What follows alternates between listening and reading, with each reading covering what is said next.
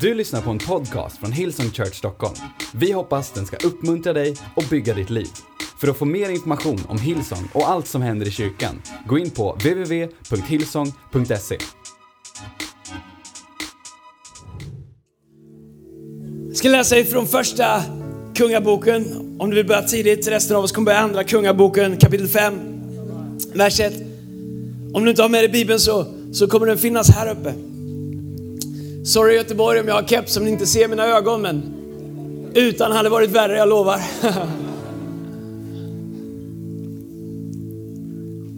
Andra Kungaboken kapitel 5, vers 1 står det så här. Naman den arameiska kungens högste befälhavare hade stort anseende hos sin herre.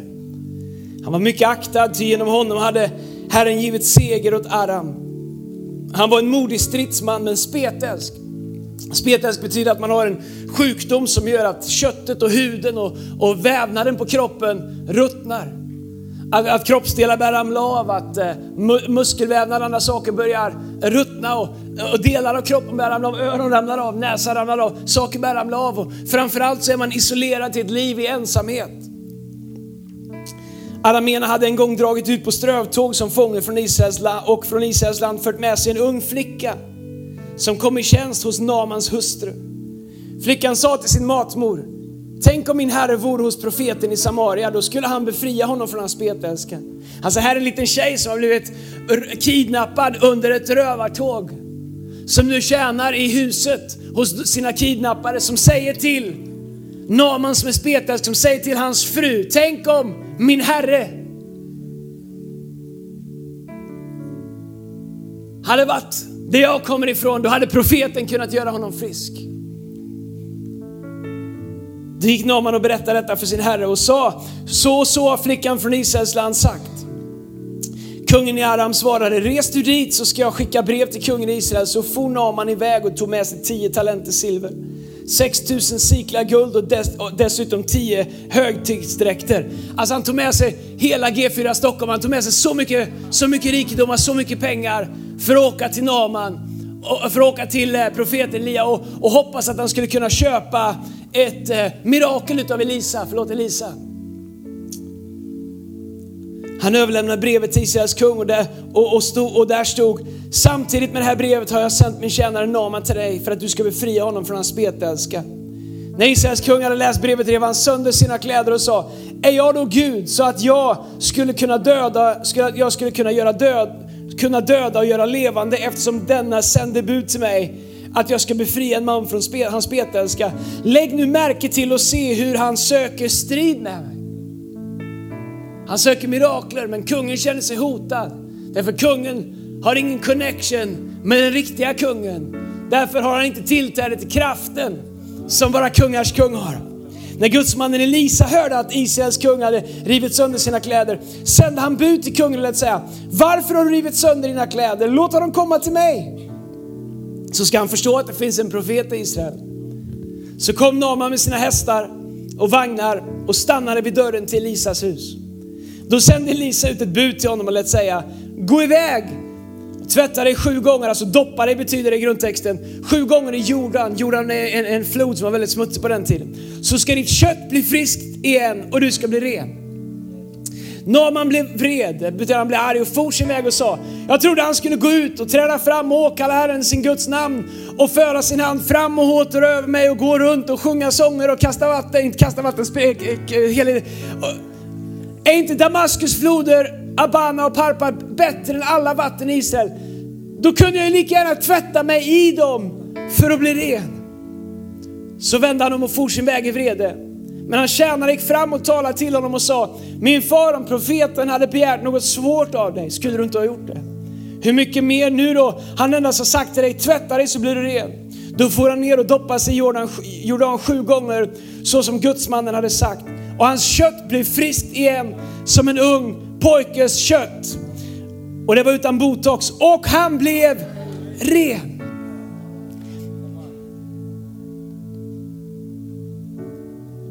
Så han börjar hemma och han går igenom massa olika saker för att till slut bli fri från sin spetälska. Jag vet inte om du någon gång har varit med om någonting som har tagit eh, väldigt kort tid att göra men som har haft väldigt lång förberedelse. Där förberedelsen för vad du ska göra tar mycket, mycket längre tid och är mycket, mycket jobbigare än själva saken du ska utföra. Jag åkte Vasaloppet en gång, jag har berättat det en gång tidigare. När Vasaloppet är bara för de riktigt bra, något som man åker på en 3-4 timmar sådär. För en del tar det längre. Men de som åker Vasaloppet på 3,5-4 timmar någonstans, mellan 3-4 timmar. De har åkt tusentals timmar innan för att kunna åka de där 9 milen på bara 3,5 timme. Någonstans var det det, vi säger 3,5 timme. På under fyra timmar. Ingen dyker upp första dagen med nya skidor direkt ur kartong. Förutom jag. Och tror att man ska åka på 3,5 timme utan att ha lagt hundratals och tusentals timmar innan. Men när jag skulle åka Vasaloppet så var det på en lördag. Jag bestämde mig på tisdagen innan. För jag blev övertalad när jag var ute och åkte långfärdsskridskor. Eller vi åkte inte så långt, vi åkte 100 meter, sen satte vi oss där en timme, sen åkte vi hem. Då skulle de åka Vasaloppet, sa Andreas du följer med. Jag sa okej. Okay. På onsdag köpte jag skidor. Förlåt, vi åkte på en måndag gjorde vi. Vi hade möte på söndagen och efter sista mötet på söndagen så lastade vi in våra skidor, körde upp till, till Sälen. Sov gott, gick och la oss, vaknade, tryckte i massa pasta, kände det är lika bra man laddar på lite här. Drog i mig nästan ett kilo pasta. Min mage var som en cementblandare hela den här dagen, jag kunde knappt stå upp. Jag hade så ont i magen. Vi kom där, vi skulle åka vid åtta tror jag, vi kom dit vid, vid halv åtta eller tjugo över sju. Tänkte eh, fem minuter innan, en kvart för sen, men här är vi en halvtimme innan. Där fanns det en vallabord. Dit kom jag med mina skidor, i stort sett nya ur kartong. Och jag sa, hej, vallar ni skidor här? Ja visst, kan ni fixa till dem här? Då tittade en gammal gubbe på mig som jag var precis dum i huvudet. Och det var jag också. Och han sa, du skulle ha lämnat in dem igår. Nu finns det ingenting vi kan göra. Det är för sent i processen att börja fixa dina skidor nu. Du får åka på dem som de är. Problemet var att jag kunde inte åka skidor. Jag visste inte att man skulle trycka ner mittspannet. Jag trodde bara man stakade. Dessutom åkte jag med någon som var rädd för nedförsbackar så alltså, han la sig i varje nedförsbacke. Så i varje nedförsbacke fick jag ta mina skidor och klättra och leta rätt på hans skidor, knäppa på dem och åka igen. För han var ännu sämre än vad jag Jag var kass men han var ännu sämre.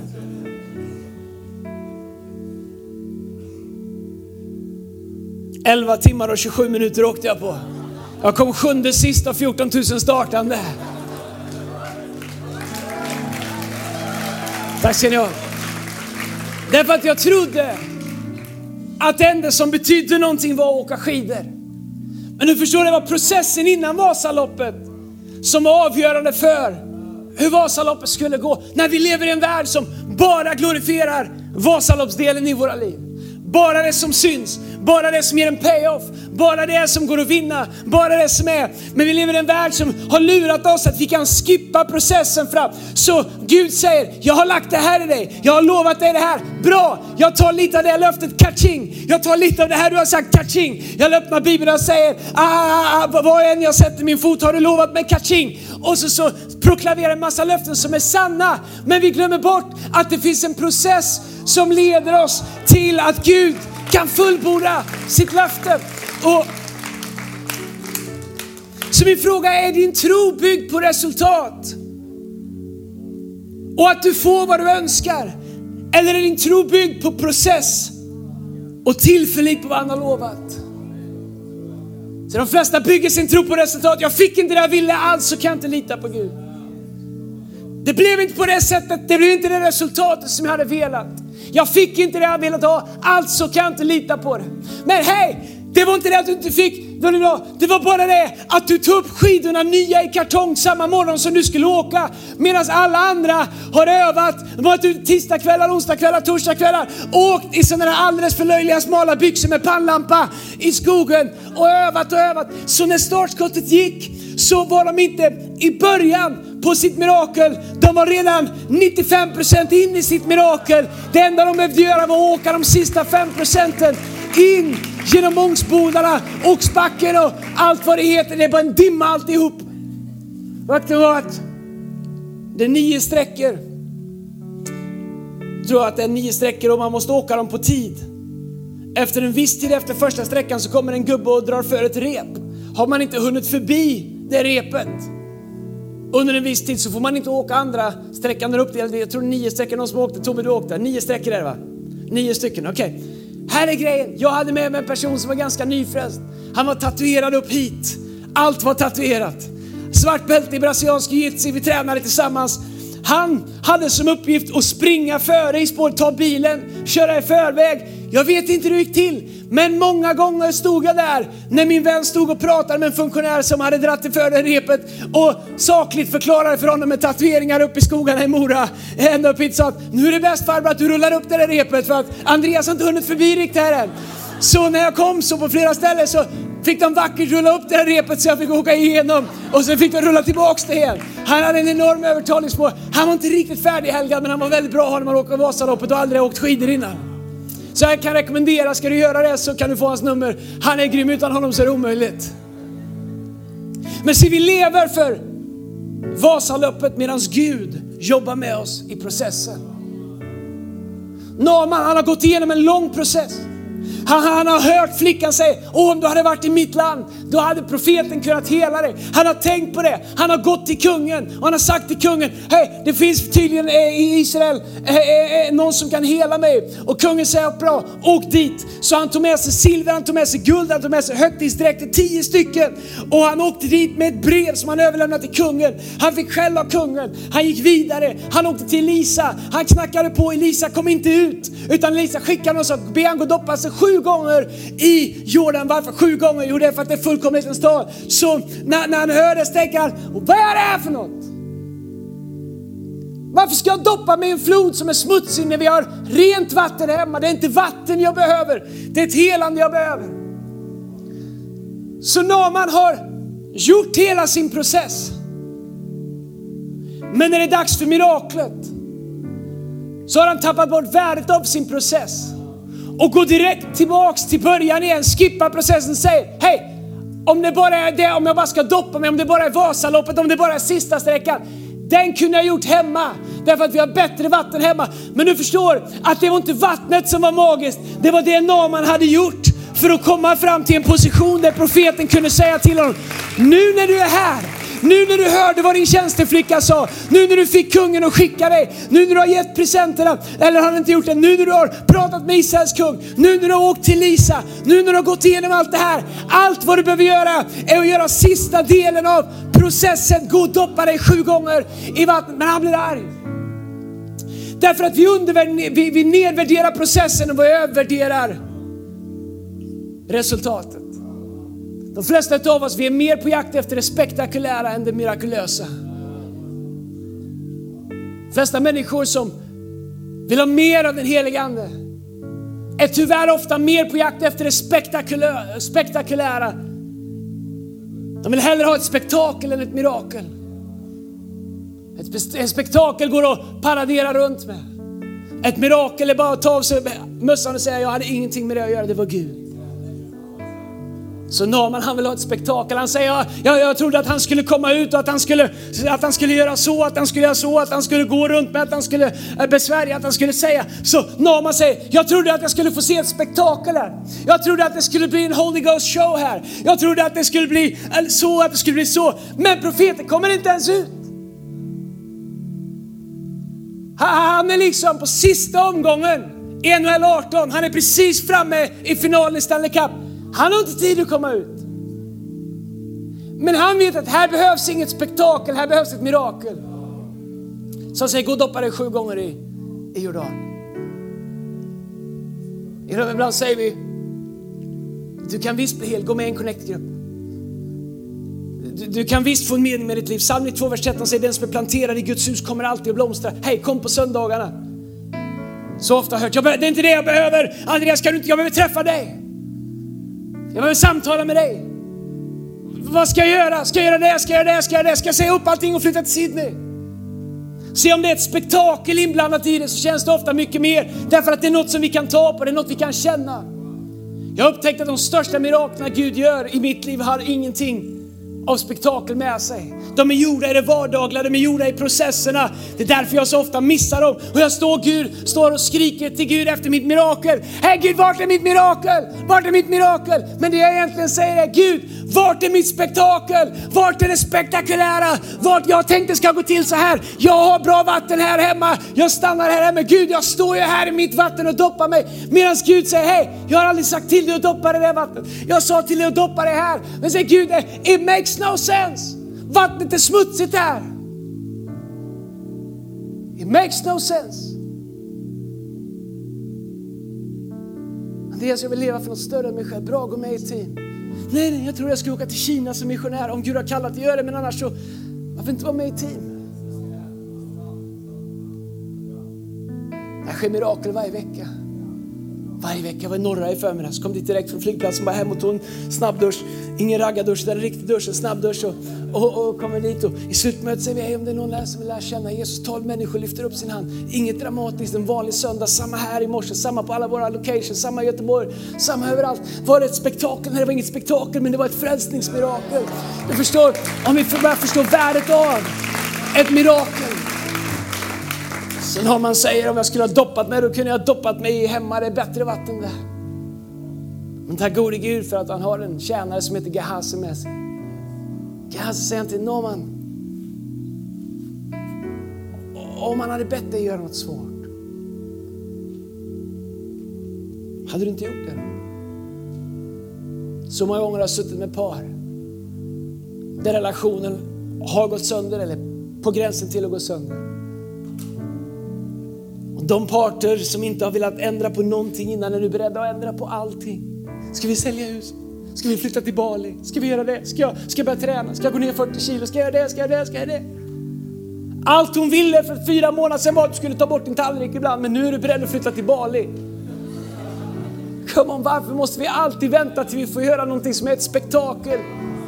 Istället för att leva en process av mirakler där Gud får göra saker i våra liv hela tiden. Så Gehazi säger till honom, hej Naman om han hade bett dig göra någonting svårt, hade du inte gjort det då? Jo, det hade jag gjort, sa Naman.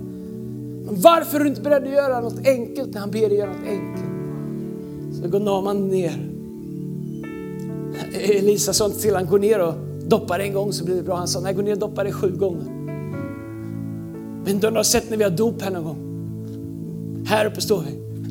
På din egen bekännelse om din tro på Jesus Kristus så döper dig Herre till Kristus i Faderns, Sonens och den helige Andes namn. Slam dunk och så upp igen. Men tänk om man säger, vi tar det igen. Nummer ett, boom. Nummer två, det ska bli awkward här inne efter ett tag. Vår dopstatistik skulle skjuta i höjden men, men eh, det ska bli awkward här inne.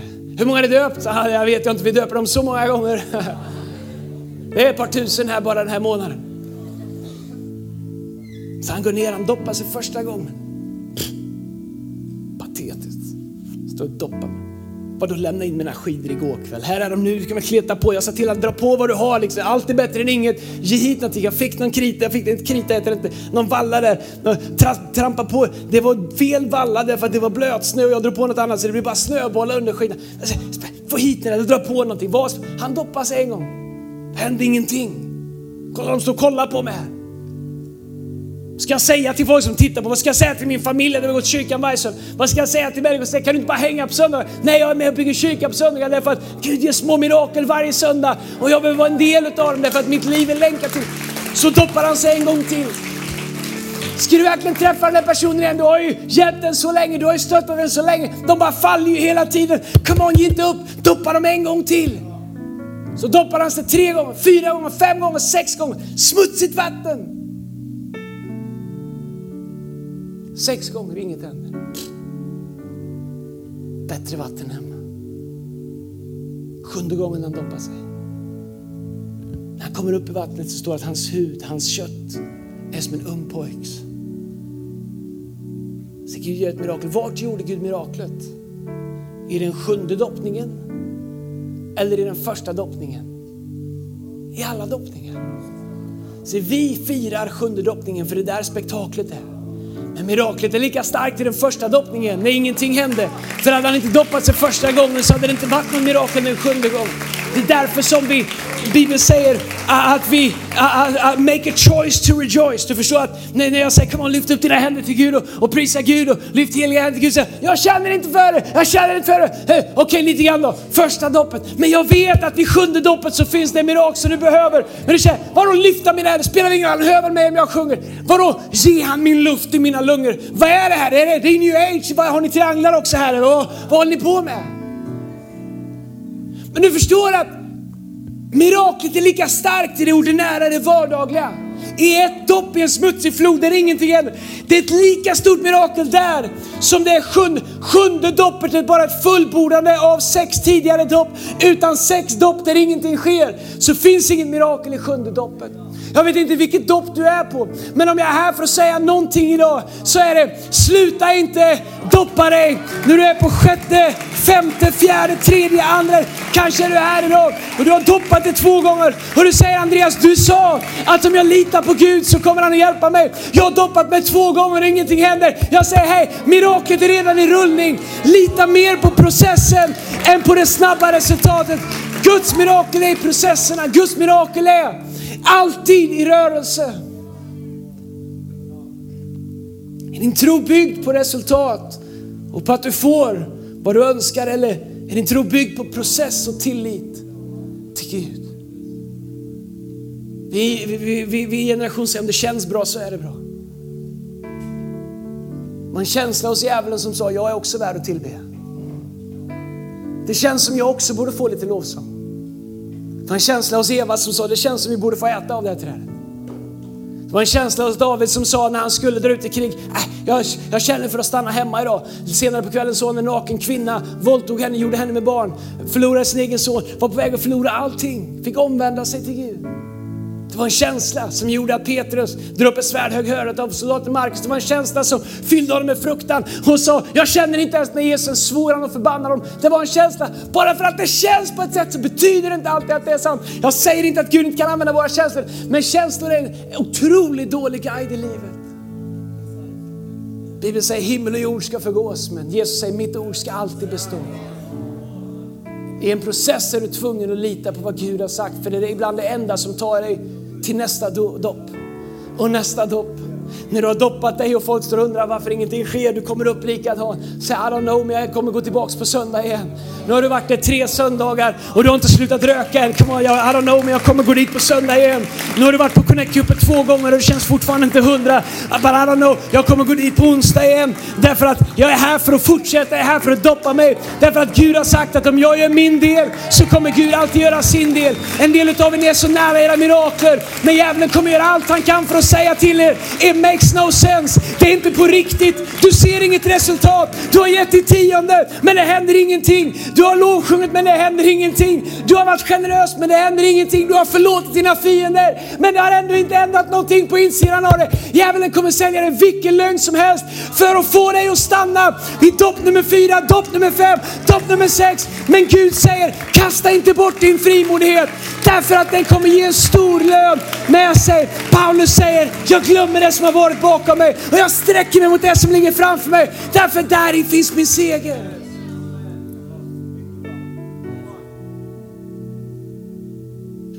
Rejoice is a choice.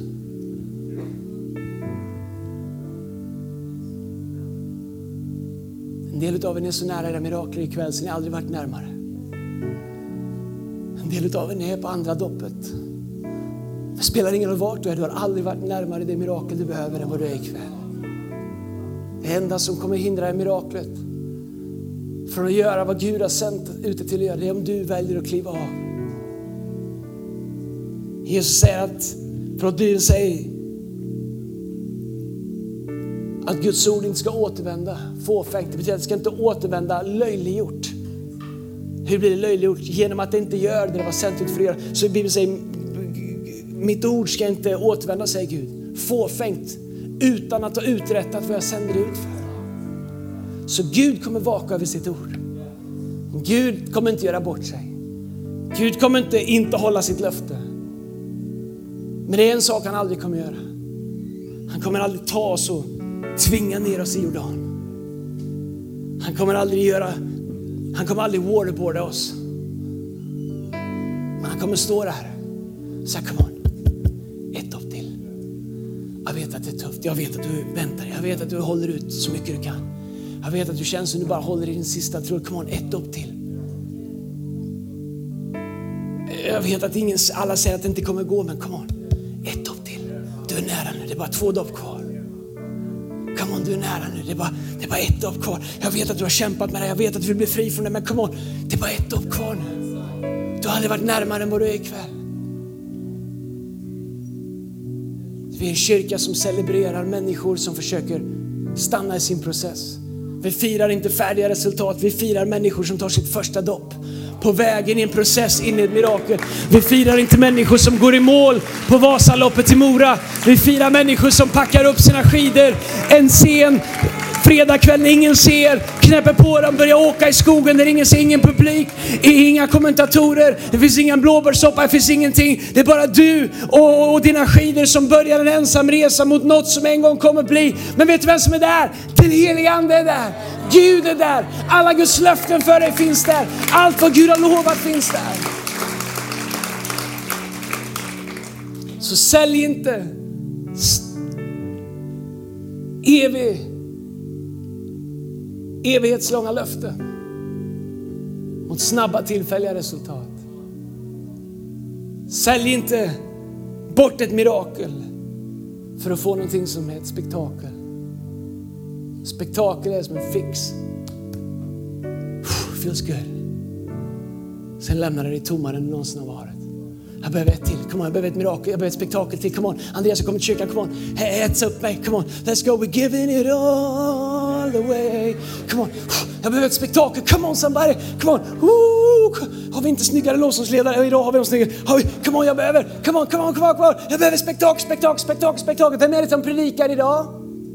För jag kommer bara om det är någon jag gillar. Därför att jag behöver ett spektakel. Säger om du, om du förstår hur Gud fungerar så säger I don't care vem som predikar så länge de läser den här boken. Därför att Jesus säger, jag är det levande ordet. Den som äter av mig ska aldrig hungra, ska aldrig törsta. Vi är inte här för spektakel, vi är här för mirakel. Vi är inte här för kortsiktiga saker, vi är här för att fullborda. Därför är vi inte rädda för att doppa oss när ingen ser. Vi är inte rädda för att göra det som kanske inte verkar vara så mycket. Därför att Bibeln säger att det som i människors ögon inte verkar vara någonting, det har Gud utvalt för att världen ska få stå där och säga, var kom det ifrån? Hur kom det sig? Vi har sett honom doppa sig här nu hela den här dagen. Inget har hänt. Var kom den här huden ifrån? Var kom det här köttet ifrån? Han ser ut som en ung. Var kom det ifrån? De sa om lärjungarna när de gick runt och predikade, så, oh my God, jag måste stoppa, jag har predikat åtta minuter för länge. Skyll på den helige Ande, okej? Okay? Men, men, jag ska be honom runda av lite. Kan, kan, de har klocka här helige Ande, jag vet inte hur det är. I know. Så. Lärjungarna de är, de är, de är inga stekare direkt alltså. Eller kanske det är med. De är inte så bright i alla fall. Sen får du dra dina egna slutsatser om stekare. De är fiskare, de är halvanalfabeter flera av dem. När Jesus har dött så säger de skriftlärda fariséerna och de rådande, hur, hur, hur, hur, kan de kunna så mycket? Hur kan de veta så mycket om skrifterna? Hur kan de bära sig med sån auktoritet? Hur, hur, hur, kan det, hur kan det vara så? Så står det, sen kom de på att de hade varit med Jesus. Tyngden hos Petrus försvann inte när han föll. Därför att den var inte byggd i ett spektakel. Så den försvann inte av ett annat spektakel. Petrus liv hade byggts i tre år i en process. Så den höll för ett fall. Den höll för ett misslyckande, den höll för tre dagars förvirring medan Jesus hängde på ett kors. Därför att han har haft en process med Jesus. Lita på processen. Stanna i processen. Jag vet inte vart du är ikväll. Jag vet inte vart Gud har dig i processen ikväll. Jag är bara här för att säga en enda sak. Sluta inte doppa dig förrän Guds löften har kommit, förrän miraklet är här. Don't get out of the water. Klättra inte upp på stranden förrän Gud säger att det är färdigt. Kom on, ska vi stå upp tillsammans? I Göteborg här i Stockholm, alla huvuden böjda, alla ögon stängda. Jag vill be en enkel bön. Sorry att mötet har hållit på lite länge. Vi, vi är klara om tio minuter. Om vi kan bevara stillheten här inne allesammans. Även i Göteborg, vi kan vara helt stilla. Viktigaste ögonblicket i hela mötet händer nu. Jag vill be en bön för dig du som är här idag. Som inte ens visste att Gud har en plan för dig.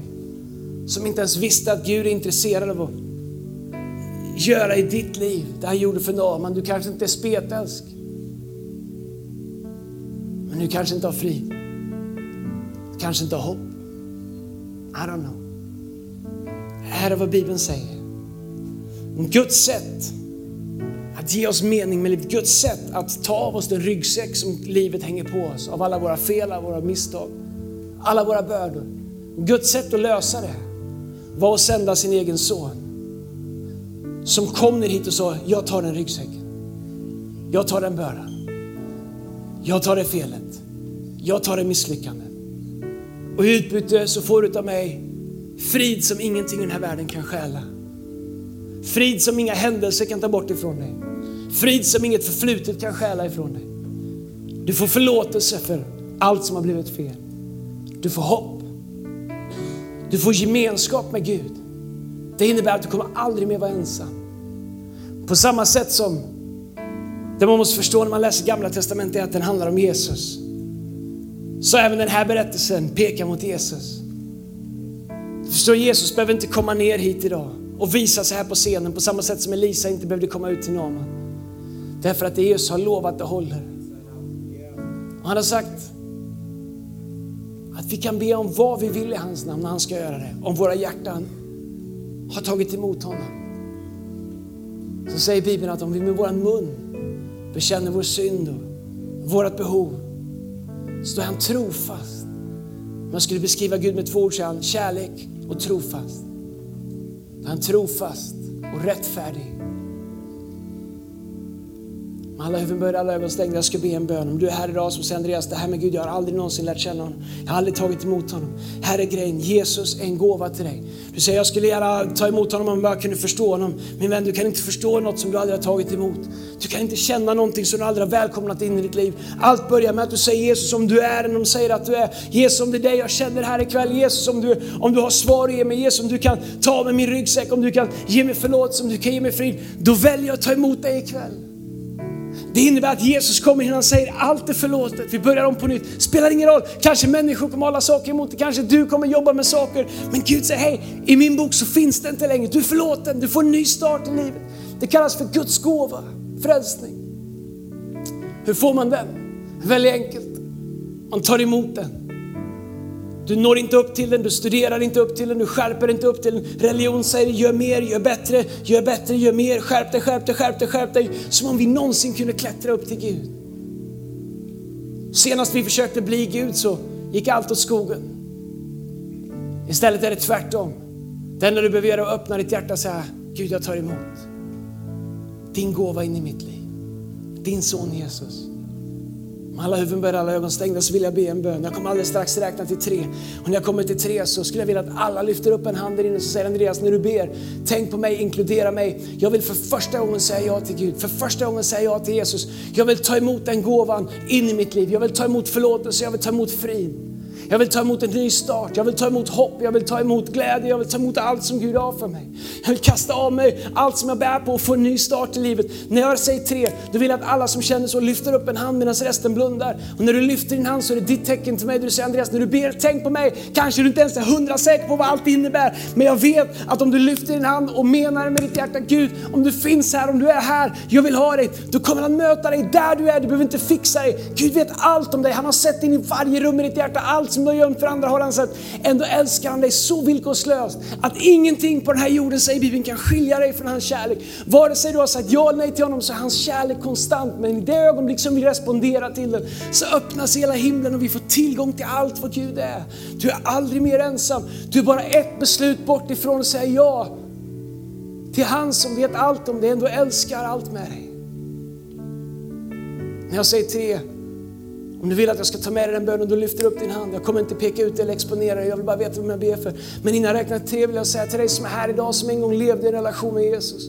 Där Jesus var först i ditt liv. Kanske kommer du till kyrkan ibland. Kanske öppnar du din bibel ibland. Kanske ber du ibland. Kanske skänker du en slant ibland. Men om du är ärlig, Jesus är inte ens nära att vara först i ditt liv längre. Du har gått upp i vattnet, du har ställt dig på stranden och kände att det där funkar inte med vattnet. Men du var bara ett dopp bort ifrån det som du längtar efter, det som du behövde. Min vän, här idag så vill jag utmana dig. Om du säger Andreas, jag behöver komma tillbaka och sätta Gud först i mitt liv. Jag behöver bli en efterföljare igen. Jag vill att Jesus ska vara det centrala i mitt liv. Jag vill vill inte bara ha med honom som någon i liksom mitt liv som ska hjälpa mig lite grann. Jag vill att han ska vara Herre igen i mitt liv. Jag vill att han ska leda mitt liv, definiera mitt liv. Jag vill att han ska vara först igen i mitt liv. När jag har räknat till tre, då vill jag att även du lyfter upp din hand. Jag kommer räkna nu när jag säger tre, du vill att du lyfter upp din hand så för första gången säger Andreas be för mig, jag vill lära känna Jesus. Men även du som säger Andreas be för mig, jag behöver en ny start i min relation med Jesus. Är ni redo här nere, hela vägen upp till läktaren när jag säger tre? Ta det här ögonblicket, alla huvuden alla ögon stängda, here we go. På tre, lyft din hand och säg, Andreas, tänk på mig när du ber. Är ni redo? Ett, två, tre, lyft din hand just nu, vem du än är. Gud välsigne dig, dig, dig, dig, dig, dig dig. Gud välsigne dig. Kom on, håll era händer upp. Jag vill veta vem jag ber för. Gud välsigne dig där. Du, Gud välsigne dig. Kom on på läktaren om du säger Andreas, det är jag. Be för mig. Gud välsigne dig min vän. Gud välsigne dig. Se din hand där också. Gud välsigne dig. Se din hand där under läktaren. Alla huvuden böjda, alla ögon stängda. Om du behöver ta emot Jesus, Gud välsigne dig. Se din hand där också. Om det är någon mer här idag som säger Andreas, Gud välsigne dig också. Jag ser din hand där också. Någon säger Andreas, det måste bli på riktigt igen. Kom on, lyft upp din hand. Kom hem ikväll. Han älskar dig. Han är för dig. Han, har aldrig lämnat dig. Men idag, vänd dig tillbaks till honom. Är det någon mer innan jag ber, Andreas, jag också. Lyft upp din hand. Kom on, jag bara känner jag väntar på någon mer. Jag vet inte vem du är. Men Gud längtar efter dig. Och om du vill ha ett tecken, här är tecknet. Lyft upp din hand. Han längtar efter dig. Kom hem ikväll. Gud välsigne dig min vän. Gud har sett din hand. Han älskar dig. Kom on, ni som har lyft era händer, ni kan ta ner dem. Jag ska be för er. Jag ska be att hela kyrkan ber den här bönen efter mig. Allihopa tillsammans. Tack Jesus. Tack Jesus. Come on, Stockholm, Göteborg. Tack Jesus. Tack Jesus. Att du älskar mig. Att du älskar mig. Jesus, kom in i mitt hjärta. Du har lyssnat till en podcast från Hillsong Church Stockholm. Om du vill veta mer om vår kyrka eller om våra söndagsmöten, surfa in på www.hillsong.se.